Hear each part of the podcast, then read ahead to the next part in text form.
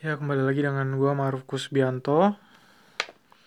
Jadi kali ini rencananya uh, kita mau kalian pasti tahu lah yang namanya overthinking kan.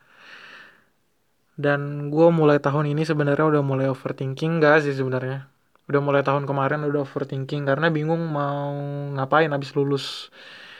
Dan ternyata overthinkingnya makin parah sampai sekarang dan akhirnya gue kemarin sempet update tuh update uh, nge-repost salah satu postingan uh, di akun Instagram namanya hujan hujan mimpi.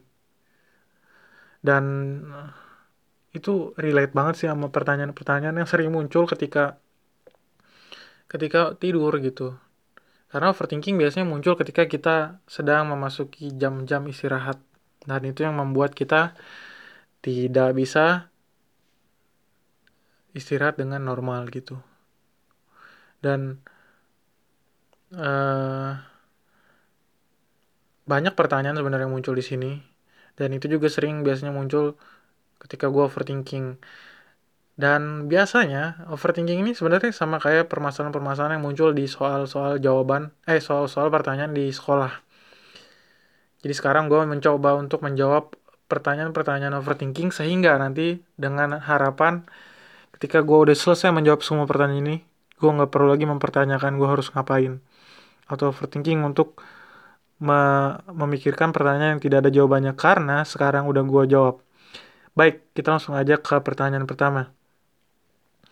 Uh, pertanyaan pertama itu muncul di paling kiri gambarnya itu adalah kapan bisa ngerasa bebas. Ya, pertanyaan pertama ini sebenarnya gue udah tahu sih jawabannya dan kayaknya gue nggak pernah overthinking masalah ini karena sebenarnya gue udah ngerasa bebas semenjak uh, gue SMA kayaknya. Karena SMA gue merasa sangat bebas lepas. Ya karena lebih baik begitu sih kayaknya. Jadi biar tahu dunia tuh nggak monokrom nggak hitam putih gitu. Dan gue udah ngerasa bebas sampai sekarang pun gue makin bebas ketika di Rusia karena gue nggak ada kewajiban untuk uh, menjawab pertanyaan-pertanyaan yang aneh menurut gue yang ada di Indonesia. Kayak misalnya uh, kok temenan sama orang yang beda agama? Itu gue nggak harus ngejawab di sini karena di sini orang mayoritasnya tidak beragama dan itu biasa aja. Nggak usah norak biasa aja. Kadang kalian yang merasa lebih lebih beragama itu yang harus dipertanyakan. Kok bisa gitu ngerasa lebih dari orang lain? Selanjutnya pertanyaan di bawah pertanyaan nomor satu adalah kapan bahagia? Uh, gue kayaknya udah bahagia gitu semenjak gue berangkat di Rusia bahkan gue lebih bahagia cuman kadar bahagianya aja gitu berbeda dan rasanya pengalaman experience berbahagianya juga berbeda gitu tapi kayaknya gue udah berbahagia semenjak dari dahulu kala selanjutnya pertanyaan ketiga adalah nanti kerja di mana? Nah ini yang sering muncul nih gue uh, pertanyaan ketiga ini yang paling parah nih sering muncul. Nanti kerja di mana adalah pertanyaan yang sering muncul ketika gue bingung tidur mau nggak bisa gara-gara ini nih biasanya nih. Sebenarnya gue ada berapa planning pertama? Ya kerja di mana pun yang bisa menerima gue itu adalah planning pertama yang sesuai dengan kayak kebisaan gue bukan passion. Fuck lah passion. Passion tuh apaan sih anjir? Intinya kerja yang kalian bisa lah uh, dan gue bisa macam-macam tapi gue nggak harus ngasih tahu kalian gue bisa apa. Emang kalian mau meng-hire gue untuk bekerja? Tidak kan? Jadi intinya rencana gue adalah kerja di tempat di mana yang bisa memberdayakan skill gue dan menukar skill tersebut dengan uang. Itu sih intinya.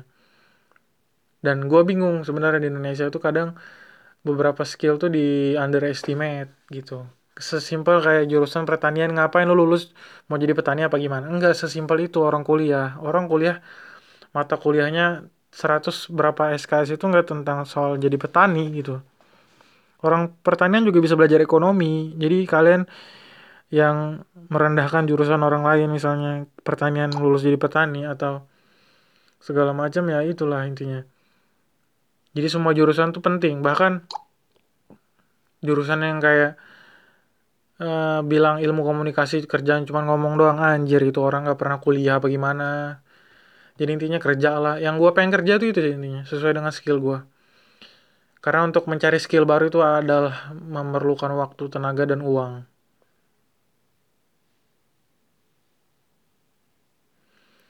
Uh, nanti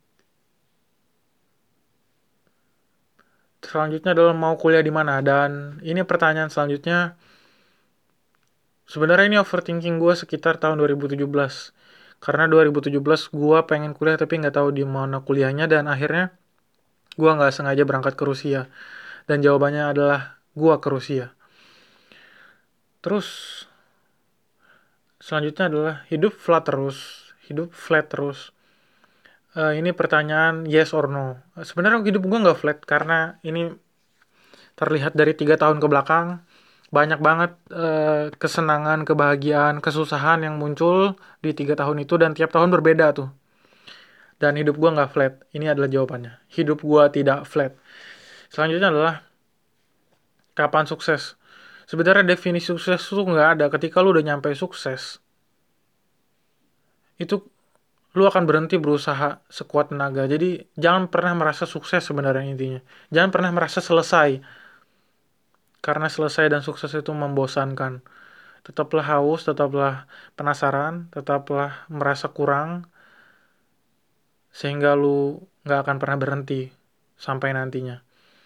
Kapan lulus? Gue udah pernah lulus beberapa kali. Gue lulus SD di 2016, gue lulus SMP di 2019, gue lulus SMA di 2012, gue lulus kuliah di 2017 untuk S1. Jadi kayaknya ini pertanyaan B aja sih, biasa aja.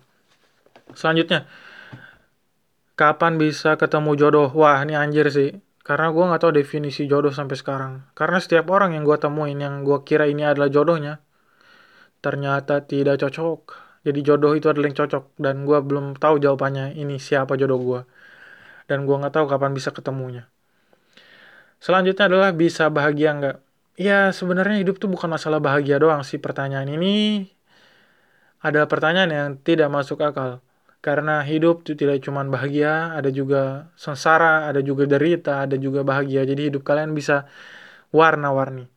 Selanjutnya adalah apa harus sendiri aja? Ini pertanyaan paling hopeless sih kayaknya. Karena gue ngerasa ya nggak sendiri juga kali karena hidup itu diciptakan berpasang-pasangan. Tapi kalau kalian memilih pasangannya di adalah diri kalian sendiri itu juga nggak apa-apa. Dan sendiri itu bukan pilihan sih sebenarnya. Itu ada deadlock. Itu adalah keputusan buntu sebenarnya. Oke selanjutnya adalah capek bertahan. Enggak sih, gue nggak bertahan sebenarnya. Gue cuman berusaha survive aja. Survive dengan apa yang telah gue pilih sendiri sampai sekarang.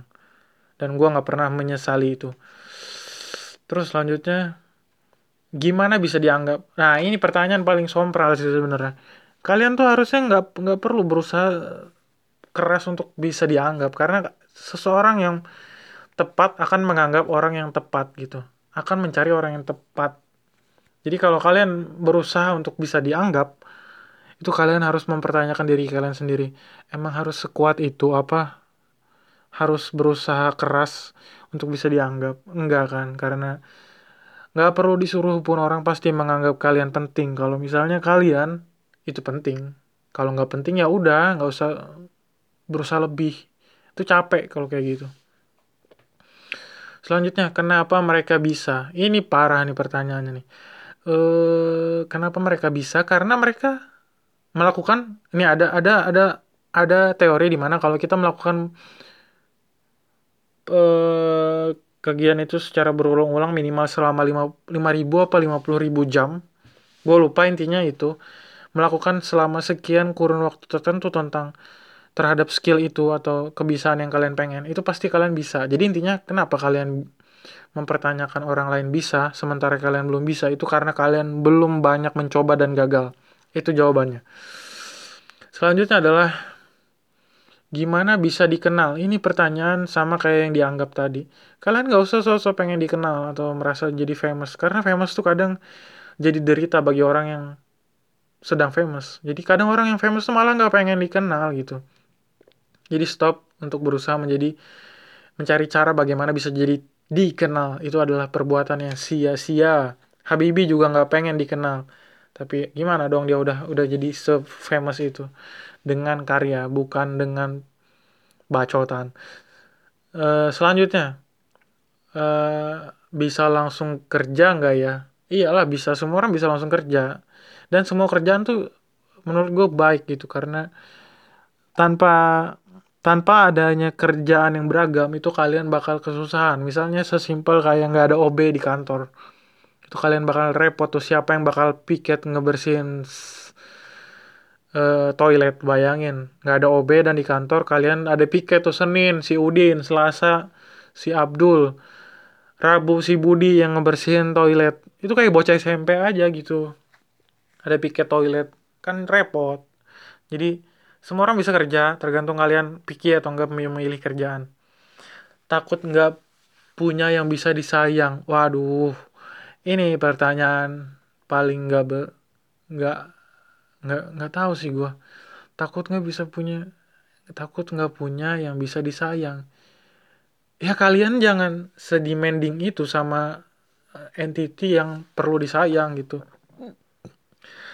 Karena sayang yang tepat adalah saling menyayangi, bukan mempunyai orang yang bisa disayang tapi kalian tidak disayang.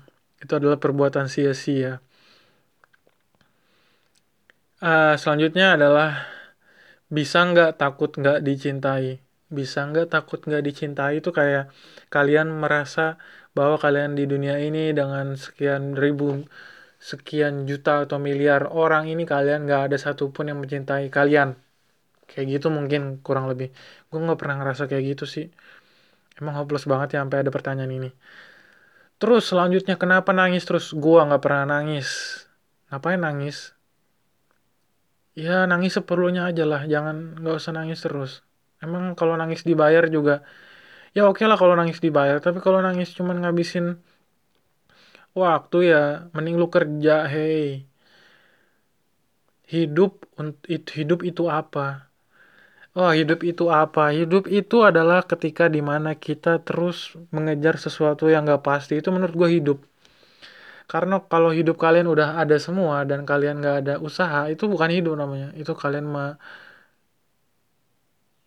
bukan menikmati hidup kayaknya. Hidup itu adalah kombinasi dari kebahagiaan, kenikmatan, kenyamanan, perjuangan, kesedihan, kesengsaraan. Itu sih hidup namanya. Selanjutnya adalah gimana hidup bahagia, gimana cara hidup bahagia. Gua nggak tahu sih cara hidup bahagia. Kadang orang terlalu mendefinisi, over definisikan de, bahagia adalah ketika umur 25 tahun harus punya tabungan 100 juta. Dan sekarang gue umur 20 tahun 20 tahun lebih, gue nggak punya deposito 100 juta, ya udah, karena timeline orang beda-beda.